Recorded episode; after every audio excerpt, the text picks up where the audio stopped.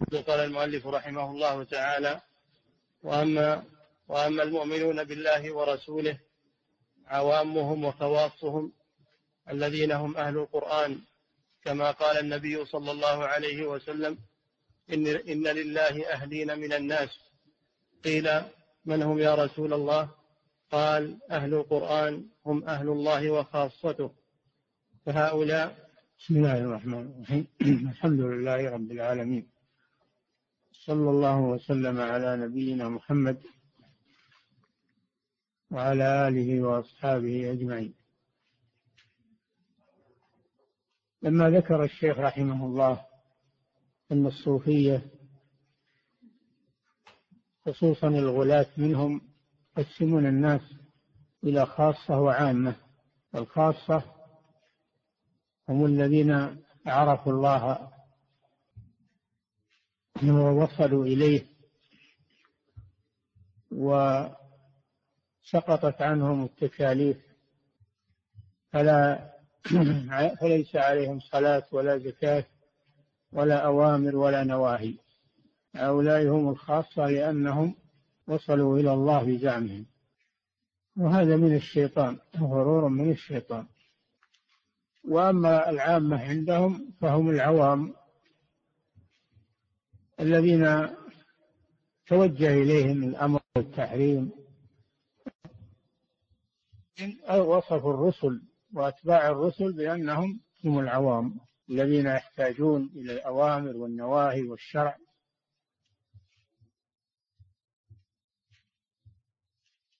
الشيخ رحمه الله يقول هذا باطل وهذا التقسيم باطل فالمؤمنون هم أولياء الله وخاصته. عوامهم وعلماؤهم وكلهم هم هم الخاصة عند الله عز وجل. وهم الذين عرفوا الله بأسمائه وصفاته وشرعه ودينه. فهم كلهم أولياء الله سبحانه وتعالى. نعم. وأما المؤمنون بالله ورسوله عوامهم وخواصهم الذين هم أهل القرآن. كما قال النبي صلى الله عليه وسلم إن لله أهلين من الناس. قيل من هم يا رسول الله؟ قال أهل القرآن هم أهل الله وخاصته. وسماهم أهل الله. وهذا هو هو أرفع منزلة وأعلى منزلة. ومع هذا لم تسقط عنهم التكاليف. المراد بأهل القرآن ليس الذين يحفظونه ويرتلونه وإلى آخره. أهل القرآن هم الذين يعملون به. حتى ولو لم يحفظوه الذين يعملون بالقرآن بأوامره ونواهيه وحدوده هؤلاء هم أهل القرآن وهم أهل الله وخاصته من خلقه. أما من يحفظ القرآن ويجيد التلاوة ويضبط الحروف ويضيع الحدود فهذا ليس من أهل القرآن وليس من من الخاصة وإنما هو عاص لله ولرسوله ومخالف للقرآن. نعم. وكذلك أهل القرآن الذين يستدلون به ولا يقدمون عليه غيره بالاستدلال ويأخذون منه الفقه والأحكام والدين.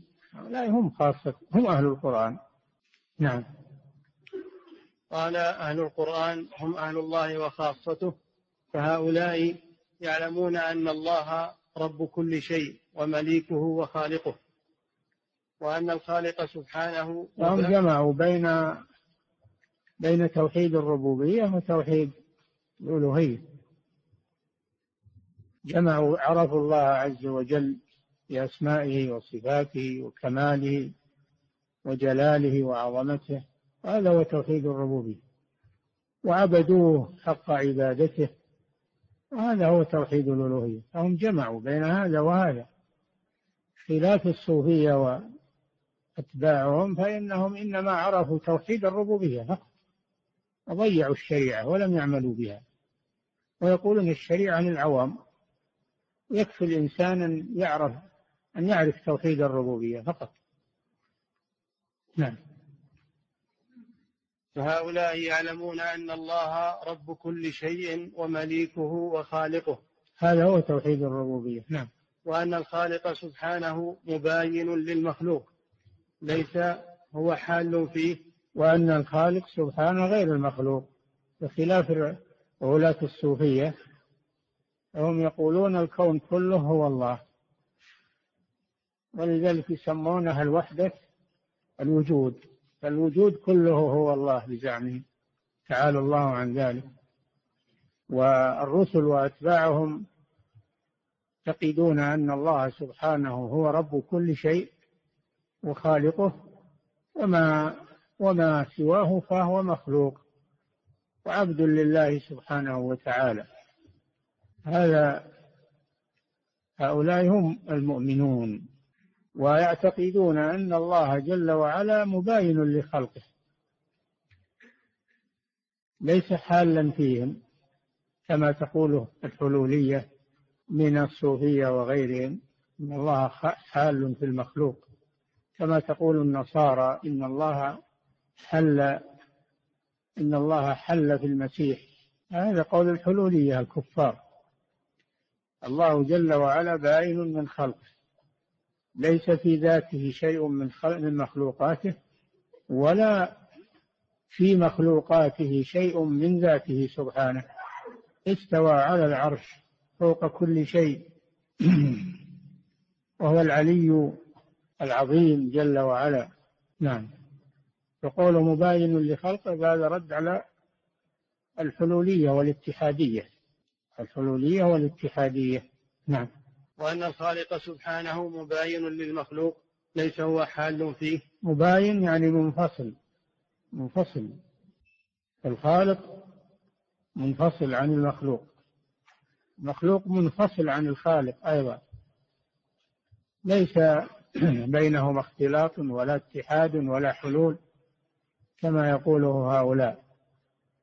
نعم. ليس هو حال فيه ولا متحدا به ولا وجوده وجوده. نعم كما تقوله أهل وحدة الوجود.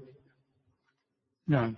والنصارى إنما كفرهم الله إذ قالوا بالحلول واتحاد الرب بالمسيح خاصة.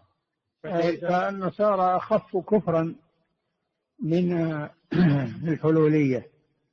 لأن الحلولية يعتقدون أن الله حال في كل شيء حتى المراحيض ودورات المياه والحشوش. تعالى الله عن ذلك. أما النصارى إنما زعموا أن الله اتحد بالمسيح فقط. اتحد بالمسيح. ولم يعمموا اتحاده بكل المخلوقات أو حلوله بكل المخلوقات. فهم أخف كفرا من الحلولية والاتحادية مع أن كفرهم هو أشنع الكفر كما قال تعالى لقد كفر الذين قالوا إن الله هو المسيح ابن مريم. نعم. والنصارى إنما كفرهم الله إذ قالوا بالحلول واتحاد الرب بالمسيح خاصة. فكيف من جعل ذلك عاما في كل مخلوق؟ نعم. ويعلمون مع ذلك أن الله أمر بطاعته وطاعة رسوله. وأهل الإيمان يعلمون مع ذلك مع اعتقادهم أن الله جل وعلا ليس حالا في خلقه ولا متحدا فيهم. يعلمون مع ذلك أن الله أمر ونهى وشرع سبحانه وتعالى وأنزل الشريعة على الرسل. يقرون بذلك. نعم. ويعلمون مع ذلك أن الله أمر بطاعته وطاعة رسوله ونهى عن معصيته ومعصية رسوله. بخلاف الحلولية والاتحادية الذين يسقطون الشريعة عن الخواص. نعم. وأنه لا يحب الفساد ولا يرضى لعباده الكفر. والحلولية والاتحادية يقولون إنه قدرها. ما دام أنه قدر الفساد والمعاصي فهو يرضاها ويحبها. تعالى الله عن ذلك. نعم. وأنه لا يحب الفساد ولا يرضى لعباده الكفر وأن على الخلق أن يعبدوه فيطيعوا أمره ويستعينوا به على ذلك. كما قال في فاتحة الكتاب إياك نعبد وإياك نستعين. كما قال في فاتحة الكتاب وهي أول سورة في المصحف. في أولها إياك نعبد وإياك نستعين وجمع بين العبادة والاستعانة بالله عز وجل. فأهل الإيمان يقولون هذا يقولون إياك نعبد أي لا, أي لا نعبد سواك ولا نستعين إلا بك. نعم. ومن عبادته وطاعته الأمر بالمعروف والنهي عن المنكر بحسب الإمكان. نعم. والجهاد في سبيل الله. ما يكفي أن أنهم استقاموا في أنفسهم. ما يكفي من المؤمن أنه يستقيم في نفسه ولا يأمر بالمعروف ولا ينهى عن المنكر ولا يجاهد في سبيل الله. بل لا بد من ذلك. ولا يترك الناس من دون تغيير ومن دون أمر ونهي ومن دون جهاد في سبيل الله. هذا سبيل المؤمنين. ما حد منهم يقول أنا ما علي إلا من نفسي. أنا علي من الناس؟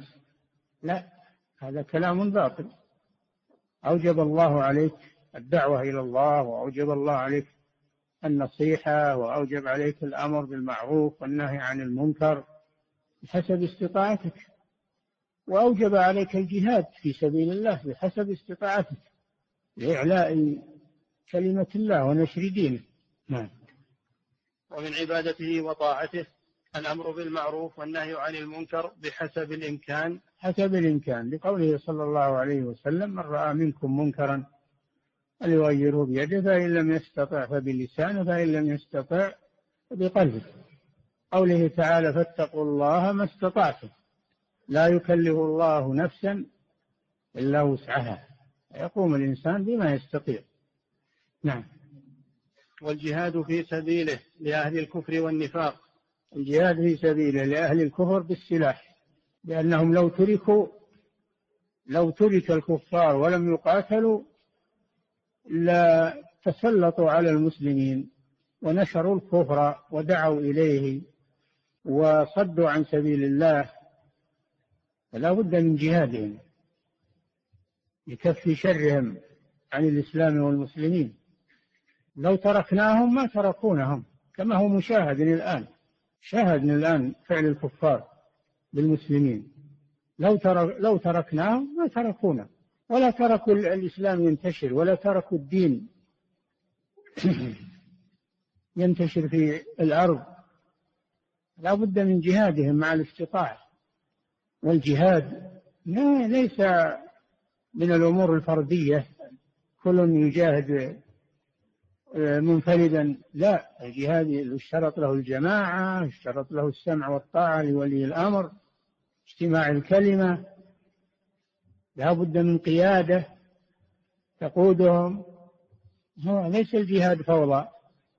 كل يحمل السلاح ويقتل ويضرب. ما هذا لا لا يأمر به الإسلام وليس هذا من الجهاد. هذا من الفوضى. الجهاد لا يقوم إلا بجماعة وبإمامة وقيادة مسلمة. نعم. والجهاد في سبيله لأهل الكفر والنفاق. وأما أهل النفاق فيجاهدون باللسان لأنهم يظهرون الإسلام ولكن يظهر منهم كلمات أو كلام سيء تفوح منهم روائح الكفر. فهؤلاء يجاهدون باللسان بالرد عليهم وإبطال حججهم وشبهاتهم وتتبع مقالاتهم ومؤلفاتهم بالرد عليها لئلا تروج عند الناس تشيع ويظنونها حق ويظنون أنها حق لأنهم قد يعطون فصاحة وبلاغة فيغرون الناس بأساليبهم وفصاحتهم ويلبسون الحق بالباطل ولا يقوم بهذا إلا أهل العلم. أهل العلم هم الذين يردون على المنافقين وإبطال شبهاتهم. نعم. ويجتهدون في إقامة دينه. نعم. مستعينين به. قال تعالى يا أيها النبي جاهد الكفار والمنافقين. الكفار يجاهدون بالسلاح والمنافقون يجاهدون باللسان والحجة. نعم. فيجتهدون في إقامة دينه مستعينين به دافعين مزيلين بذلك ما قدر من السيئات دافعين بذلك ما قد يخاف من آثار ذلك.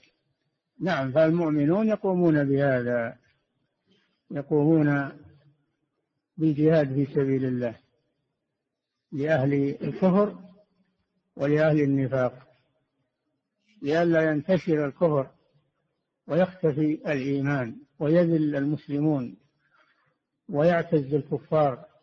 لابد من من الجهادين جهاد الكفار من الخارج وجهاد المنافقين من الداخل. المنافقون يعيشون مع المسلمين ويزعمون أنهم مسلمون ولكنهم ينشرون الشر وهم خدم للكفار في كل زمان ومكان.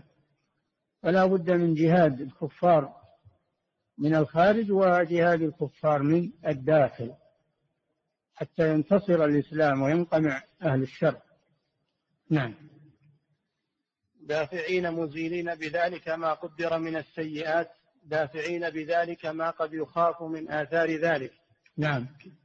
كما ولا يقولون هذا الشيء مقدر قدره الله ولا ولا الله قدر وأمرنا أن نجاهد. قدر الكفر والشرك والمعاصي والنفاق. لكن مع هذا أمرنا أن ندافع هذه الأشياء وأن نقاومها. ولا نسكت عنها ونقول هذا مقدر. هذه حجة أهل الباطل. نعم. كما يزيل الإنسان الجوع الحاضر بالأكل آه هذا هذا مثال محسوس. نحن ندافع الكفر والشرك والمعاصي والنفاق وإن كان ذلك مقدرا ولا نستسلم له. كما أننا ندافع الجوع. ولا نقول الجوع مقدر ولا ولا نأكل طعام ولا نشرب لا نشرب ماء. نقول ولا نأكل طعام ونقول هذا مقدر. الفقر مقدر والجوع مقدر والظمأ مقدر ونجلس. ما حد يقول هذا وفيه عقل. فلماذا يحتجون بهذا على الطعام والشراب ولا يحتجون به على آه، شرع الله عز وجل ودينه؟ ما يطردون مذهبهم هذا ولا يأكلون ولا يشربون. يقولون الله قدر علينا الجوع قدر علينا الظمأ لا هم هم بفطرهم يأكلون ويشربون ويطلبون الرزق. ولا يقولون هذا مقدر. فلماذا يحتجون بالقدر في ناحية ويتركونه في ناحية أخرى؟ دل على أن القدر ليس حجة. القدر ليس حجة لنا في مدافعة الشرور وأهل الشر. نعم. كما ندافع الجوع والعطش ندافع الكفار والمنافقين والمشركين والعصاة. نعم. كما يزيل الإنسان الجوع الحاضر بالأكل ويدفع به الجوع المستقبل. نعم. إذا صار جائع أكل يدفع الجوع الواقع. وكذلك يأكل ولو لم يكن جائعا ليدفع الجوع المستقبل. نعم. وكذلك إذا آن أوان البرد دفعه باللباس. وكذلك هذا مثل محسوس. الإنسان يلبس الملابس والصوف والمكيفات ويوقظ عند البرد. البرد هذا قضاء وقدر ويترك اللباس ويترك المدفئات. ويقول هذا قضاء وقدر ما حد يقول هذا وهو عاقل. فلماذا يقولون كما ندفع البرد بالملابس والمدفئات وندفع الجوع بالطعام وندفع الظما بالشراب. نعم. وكذا قالوا للنبي صلى الله عليه وسلم تقوية نتداوى بها وتقى نتقي بها. هل ترد من قدر الله شيئا؟ فقال هي من قدر الله. نعم. سألوا النبي صلى الله عليه وسلم عن الأسباب. عن الأسباب هل ترد من قدر الله شيئا؟ قال هي من قدر الله. من الأسباب التي نأخذ بها. قدر وقدر الرزق والطعام والشراب لدفعه. قدر البرد وقدر الملابس والاستدفاء لدفعه. وقدر من قدر الله. أرأيت أدوية نتداوى بها ورقا نسترقي بها معروفة الأدوية. علمه من علمه وجهله من جهله فهل إذا أصابنا المرض نستسلم؟ يقول القدر والقدر يدفع القدر بالقدر. والرقية معروفة. هي القراءة على المريض. والدعاء والدعاء له بالشفاء. لماذا لا نتكل على القدر؟ نقول خلوا المريض مقدرا عليه هذا الرقية مشروعة. الرقية مشروعة.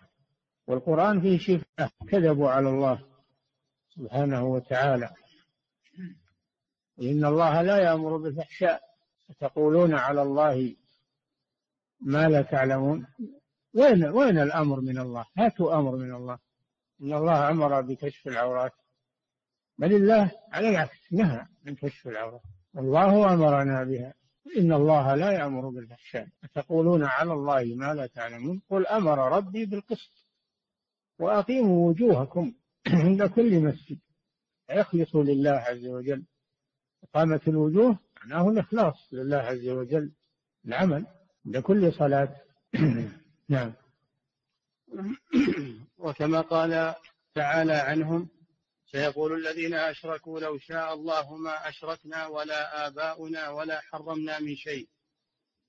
نعم كما أن الله أخبر في سورة الأنعام أنهم سيحتجون بالقدر على كفرهم ومعاصيهم سيقول الذين أشركوا أشركوا بالله عز وجل إذا نهيتهم عن الشرك سيقول الذين أشركوا لو شاء الله ما أشركنا. لماذا لم يمنعنا من الشرك؟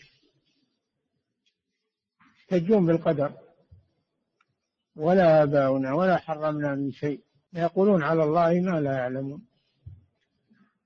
الله جل وعلا لو كان يرضى بالشرك لما أرسل الرسل للنهي عنه. ثم وقع منهم ما أخبر الله به كما ذكر في سورة النحل. قال الذين أشركوا لو شاء الله ما عبدنا من دونه من شيء. نحن ولا آباؤنا ولا حرمنا من دونه من شيء.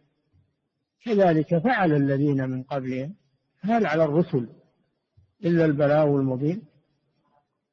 لو كان ما يقولونه صحيحا كان القدر حجة لما أرسل الله الرسل. ولقد بعثنا في كل أمة رسولا أن يعبدوا الله واجتنبوا الطاغوت. كيف ينهى عن شيء هو شرعه كما تقولون؟ وقالوا لو شاء الرحمن ما عبدناهم. كذلك الآية الثالثة من سورة الزخرف. لو شاء الرحمن ما عبدناهم. قال الله جل وعلا ما لهم بذلك من علم. هل عندكم دليل على أن الله رضي هذا الشيء حتى وإن كان قدره فهو لا يرضى. الله يقدر أشياء ابتلاء وامتحانا لحكمة وإن كان لا يرضاها. لكن يترتب عليها حكم وأسرار عظيمة وامتحان للناس. نعم. وقد ذكر عن المشركين ما ابتدعوه من الدين الذي فيه تحليل الحرام والعبادة الذي فيه تحليل الحرام والعبادة التي لم يشرعها الله في مثل قوله تعالى وقالوا هذه أنعام وحرف حجر لا يطعمها إلا من نشاء بزعمهم وأنعام حرمت ظهورها وأنعام لا يذكرون اسم الله عليها افتراء عليه. نعم. كانوا يجعلون قسما من من زروعهم وحروثهم ويقولون ولا يأكلونه ويقولون هذا لله. هذا لله يتعبدون لله بذلك. الله لم يشرع لهم هذا. وجعلوا لله مما ذرع من الحرث والأنعام نصيبا. قالوا هذا لله بزعمهم وهذا لشركائهم. يقسمون الزروع والمواشي إلى قسمين قسم لله وقسم للأصنام. كل هذا تحكم من عندهم. كل هذا تحكم من عندهم. والأنعام جعلوا منها البحيرة والوصيلة. والحامي أشياء لم يشرعها الله سبحانه وتعالى. الله خلق بهيمة الأنعام لمصالحنا ومنافعنا.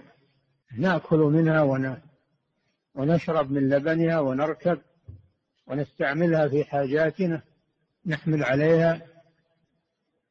ولم يأمرنا بأن نسيب منها بعض الحيوانات نقول هذه لله لا تركب ولا تحلب ولا توكل سيبة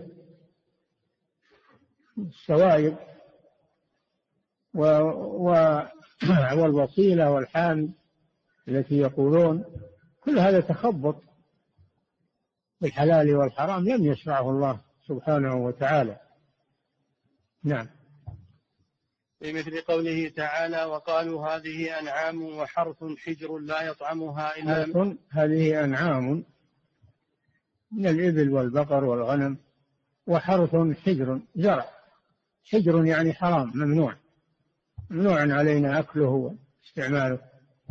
بل هو للأصنام قسم منه لله عز وجل. الله لم يشرع هذا. نعم. لا يطعمها إلا من نشاء بزعمهم وأنعام حرمت ظهورها فلا, فلا يحمل عليها ولا تركب. وهذه هي الحوامي. نعم. التي حمت ظهورها. نعم. وأنعام لا يذكرون اسم الله عليها افتراء عليه. بل يذكرون عليها اسم الأصنام الطواغيت. نعم. وكذلك في سورة الأعراف في قوله يا بني آدم لا يفتننكم الشيطان كما أخرج أبويكم من الجنة. إلى قوله وإذا فعلوا فاحشة قالوا وجدنا عليها آباءنا والله أمرنا بها. قل إن الله لا يأمر بالفحشاء أتقولون على الله ما لا تعلمون. قل أمر ربي بالقسط وأقيموا وجوهكم عند كل مسجد. إلى قوله وكلوا واشربوا ولا تسرفوا إنه لا يحب المسرفين. قل من حرم زينة الله التي أخرج لعباده والطيبات من الرزق.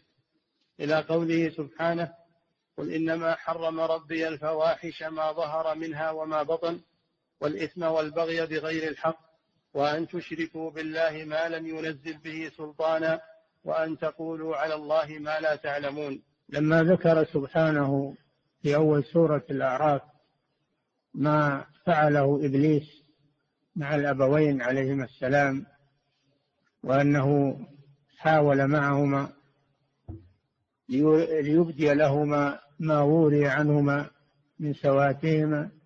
حاول معهما حتى أكلا من الشجرة التي نهي عن الأكل منها فبدت لهما سواتهما عوراتهما. ثم قال يا بني آدم لا يفتننكم الشيطان كما أخرج أبويكم من الجنة. ينزع عنهما لباسهما يريهما سوات سوآتهما. إلى قوله تعالى وأن تقولوا على الله ما لا تعلمون. كل هذا رد على المشركين في هذه الجرائم. واليوم المتحضرون من والمستغربون من منا يدعون إلى يدعون إلى العري ونزع الحجاب. يدعون إلى العري ونزع الحجاب وإلى الاختلاط بين الرجال والنساء. كل ذلك يريدون بذلك يريدون بذلك تغيير هذه النعمة التي أنعم الله بها على عباده المؤمنين. يا بني آدم قد أنزلنا عليكم لباسا يواري سوآتكم وريشا. اللباس على قسمين منه شيء ستر العورة. ومنه شيء زينة وريش الريش هو الزينة يتجملون به نعم الله سبحانه وتعالى.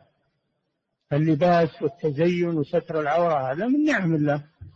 المشركون الشيطان والمشركون يقولون العري العري هو من نعم الله. لماذا التشدد؟ ولماذا؟ ولماذا؟ كل هذا من إملاء الشيطان. قديما وحديثا. نعم. وهؤلاء قد يسمون ما أحدثوا ما أحدثوه من البدع حقيقة كما يسمون نعم. هؤلاء رجع إلى الكلام مع الصوفية الذين يبتدعون عبادات لم يشرعها الله ويتركون ما شرعه الله ويقسمون الدين إلى حقيقة وشريعة الحقيقة للخواص. والشريعة للعوام يقولون. الشريعة هذه للعوام اللي ما يعرفون ولا وصلوا إلى إلى ما توصلت إليه الصوفية من المعرفة والمشاهدة وإلى آخر ما يقولون. نعم. وهؤلاء قد يسمون ما أحدثوه من البدع حقيقة كما يسمون ما يشهدون من القدر حقيقة. وطريقة الحقيقة وطريق الحقيقة عندهم هو السلوك الذي لا يتقيد صاحبه بأمر الشارع ونهيه. ولكن بما يراه ويذوقه ويجده في قلبه مع ما فيه من غفلة عن الله جل وعلا ونحو ذلك. يعرضون عما شرعه الله سبحانه إلى ما تهواه نفوسهم وتلذ به قلوبهم يسمون هذا المشاهدة والمعرفة وأسمى صوفية ما أنزل الله بها من سلطان. نعم. وهؤلاء لا يحتجون بالقدر مطلقا بل عمدتهم اتباع آرائهم وأهوائهم وجعلهم لما يرونه ويهوونه حقيقة وأمرهم باتباعها دون اتباع أمر الله ورسوله.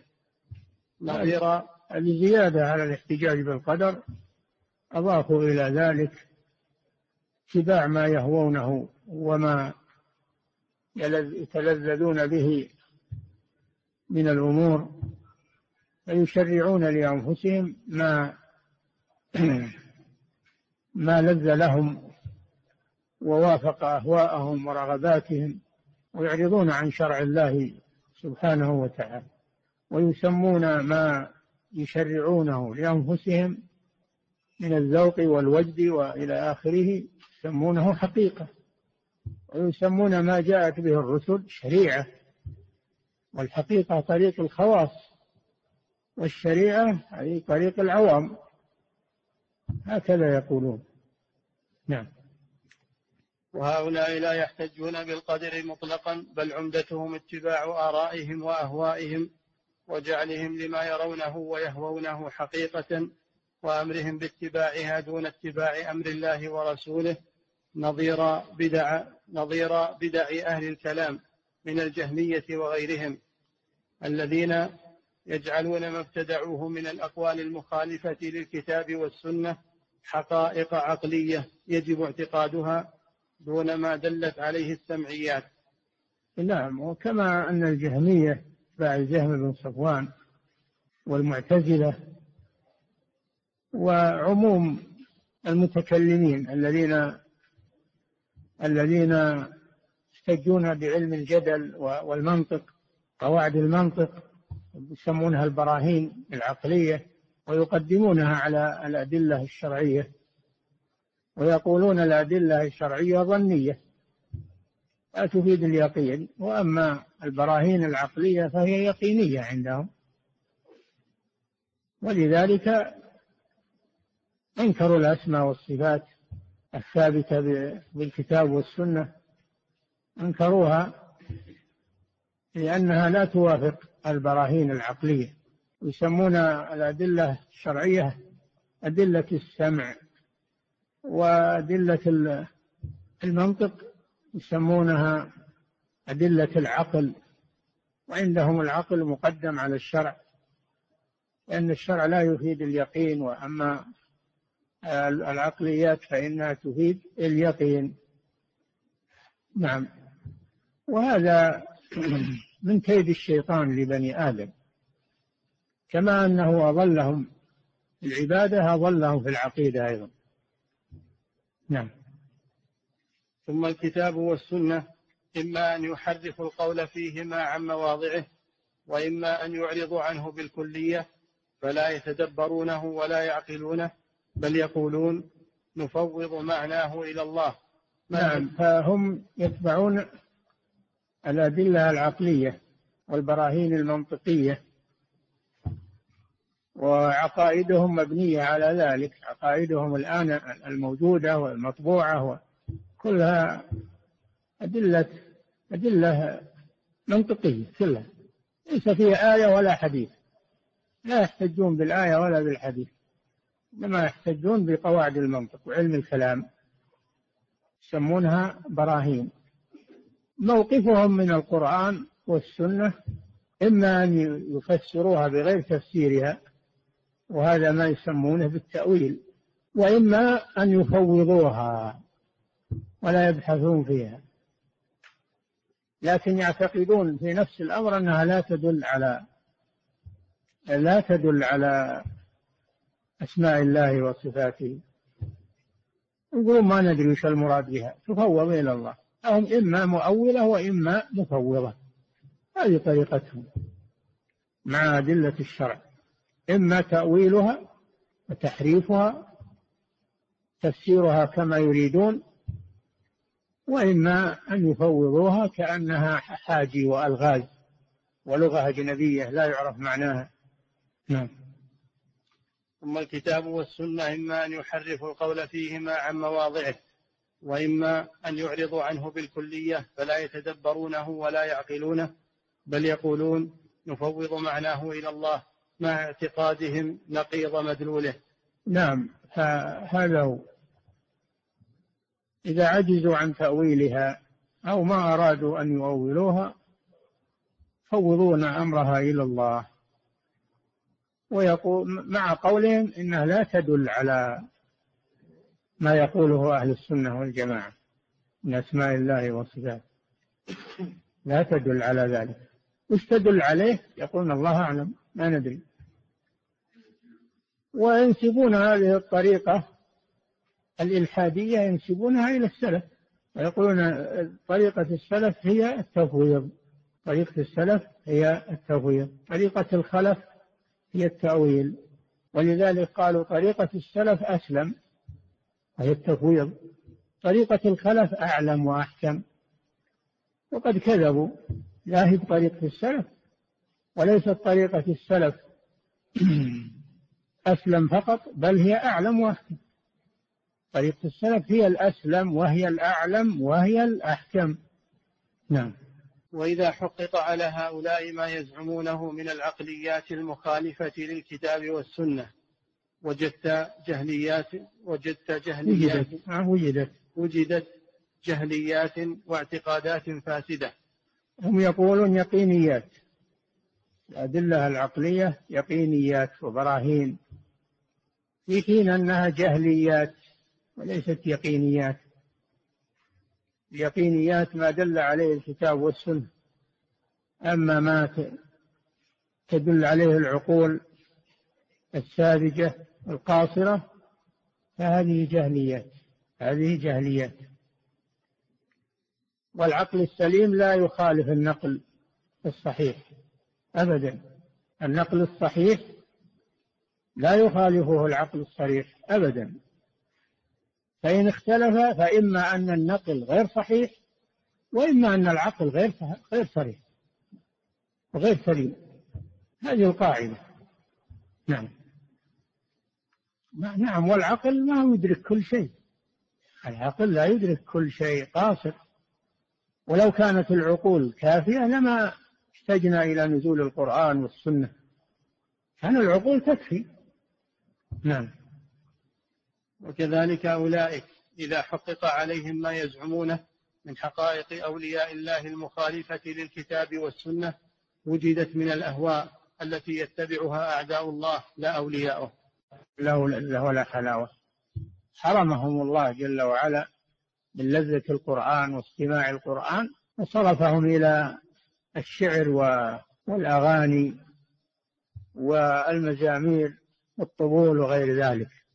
لذلك تجد المتصوفة يتخذون الرقص والغنى والطبول عبادة حتى في المساجد يقيمونها حتى في المساجد نسأل الله العافية التي هي بيوت الله عز وجل التي تقام فيها الصلاة والذكر والعبادة يجعلونها لهذه الأمور لأنها توافق أهواءهم. نعم. ولهذا يميل هؤلاء ويغرمون بسماع الشعر والأصوات التي تهيج المحبة المطلقة التي لا تختص بأهل الإيمان بل يشترك فيها محب الرحمن ومحب الأوثان ومحب الصلبان ومحب الأوطان ومحب الإخوان ومحب المردان ومحب النسوان. نعم لأن الشعر منه حق وطيب ومنه خبيث. الشعر منه طيب ومنه خبيث والغالب عليه الخبيث والشعراء يتبعهم الغاوون. ألم ترى أنهم في كل واد يهيمون؟ وأنهم يقولون ما لا يفعلون إلا الذين آمنوا وعملوا الصالحات وذكروا الله كثيرا انتصروا من بعد ما ظلموا. فشعر حسان وكعب بن مالك وعبد الله بن رواحة وكعب بن زهير شعر طيب لأنه ينبع من الوحي وشعر امرئ القيس وفلان وفلان الغالب عليه الخبث والغرام والنساء والتشبيب وغير ذلك. نعم. وهؤلاء الذين يتبعون أذواقهم ومواجيدهم من غير اعتبار لذلك بالكتاب والسنة وما كان عليه سلف الأمة. هؤلاء وهؤلاء الذين يتبعون أذواقهم ومواجيدهم. من غير اعتبار لذلك بالكتاب والسنة وما كان عليه سلف الأمة. نعم. فالمخالف لما بعث الله به رسوله من عبادته وحده وطاعته وطاعة رسوله لا يكون متبعا لدين شرعه الله أبدا. نعم. الذي يتبع هواه لا يكون متبعا لدين شرعه الله وإنما يتبع الدين الذي يمليه عليه هواه رغبته نعم. كما قال تعالى ثم جعلناك على شريعة من الأمر فاتبعها ولا تتبع أهواء الذين لا يعلمون إنهم لن يغنوا عنك من الله شيئا وإن الظالمين بعضهم أولياء بعض والله ولي المتقين.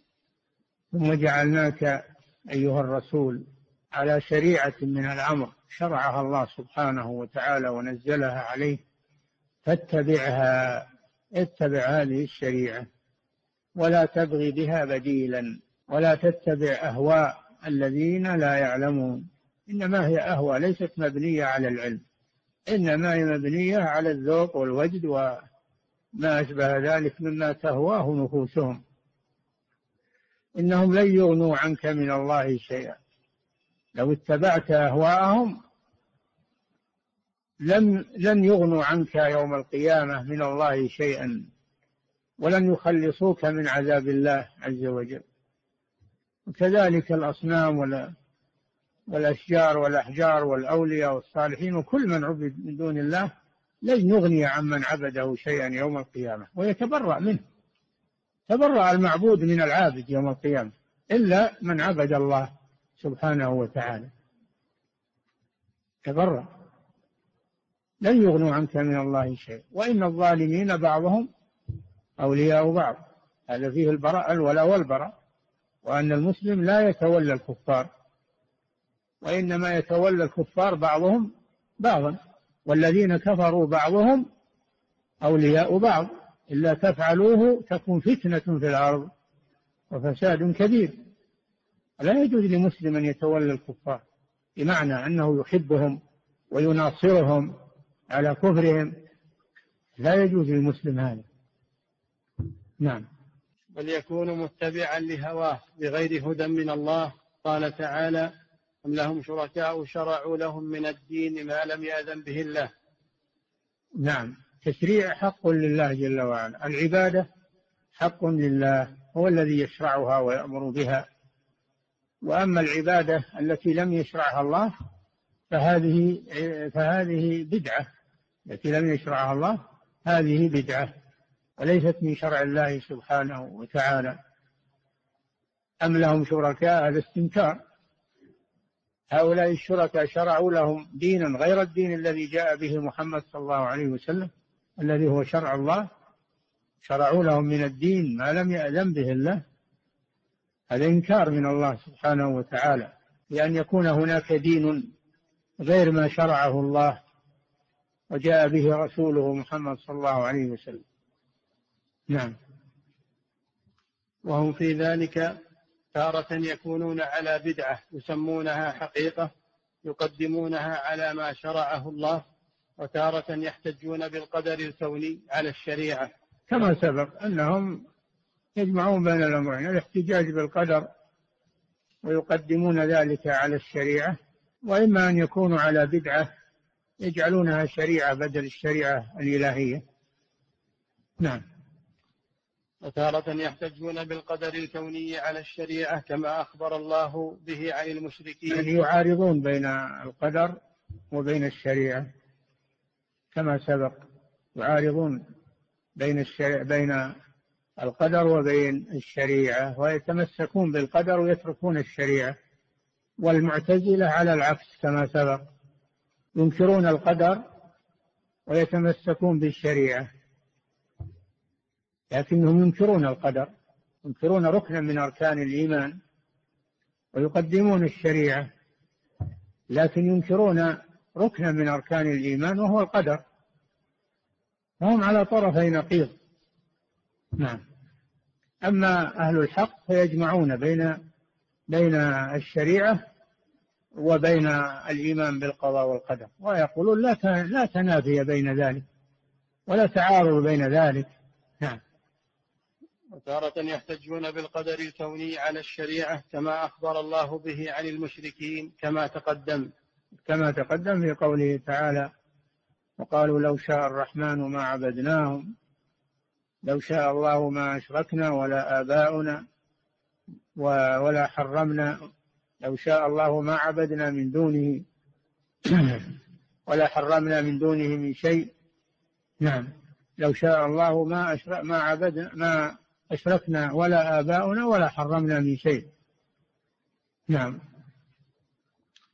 ومن هؤلاء طائفة هم أعلاهم عندهم قدرا وهم مستمسكون بما اختاروا بهواهم من الدين في أداء الفرائض المشهورة واجتناب المحرمات المشهورة لكن يضلون نقف عند هذا. نعم.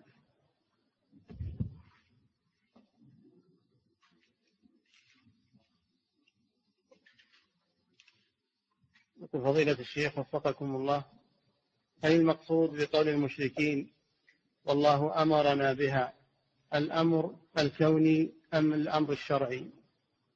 يقولون الله أمرنا بها كونا فدل على أنه شرعها ورضيها. لو كان لا يرضاها لما فعلناها. نعم. ولما قدرها علينا. نعم. يقول فضيلة الشيخ وفقكم الله هل العزوف عن العلم وإشغال الوقت في العبادة وربما وقع المتعبد في أمور مبتدعة عن حسن قصد لجهله. هل هذا نوع من التصوف؟ هذا هو التصوف. الصوفية ينهون عن تعلم العلم. ينهون عن تعلم العلم. ويأمرون بالاشتغال بالعبادة والذكر. ويضلون بذلك لأن العبادة والذكر إذا لم يكونا على علم من الشرع يكون هذا من من الضلال من ومن البدعة التي لم يشرعها الله سبحانه وتعالى. فلا بد من طلب العلم.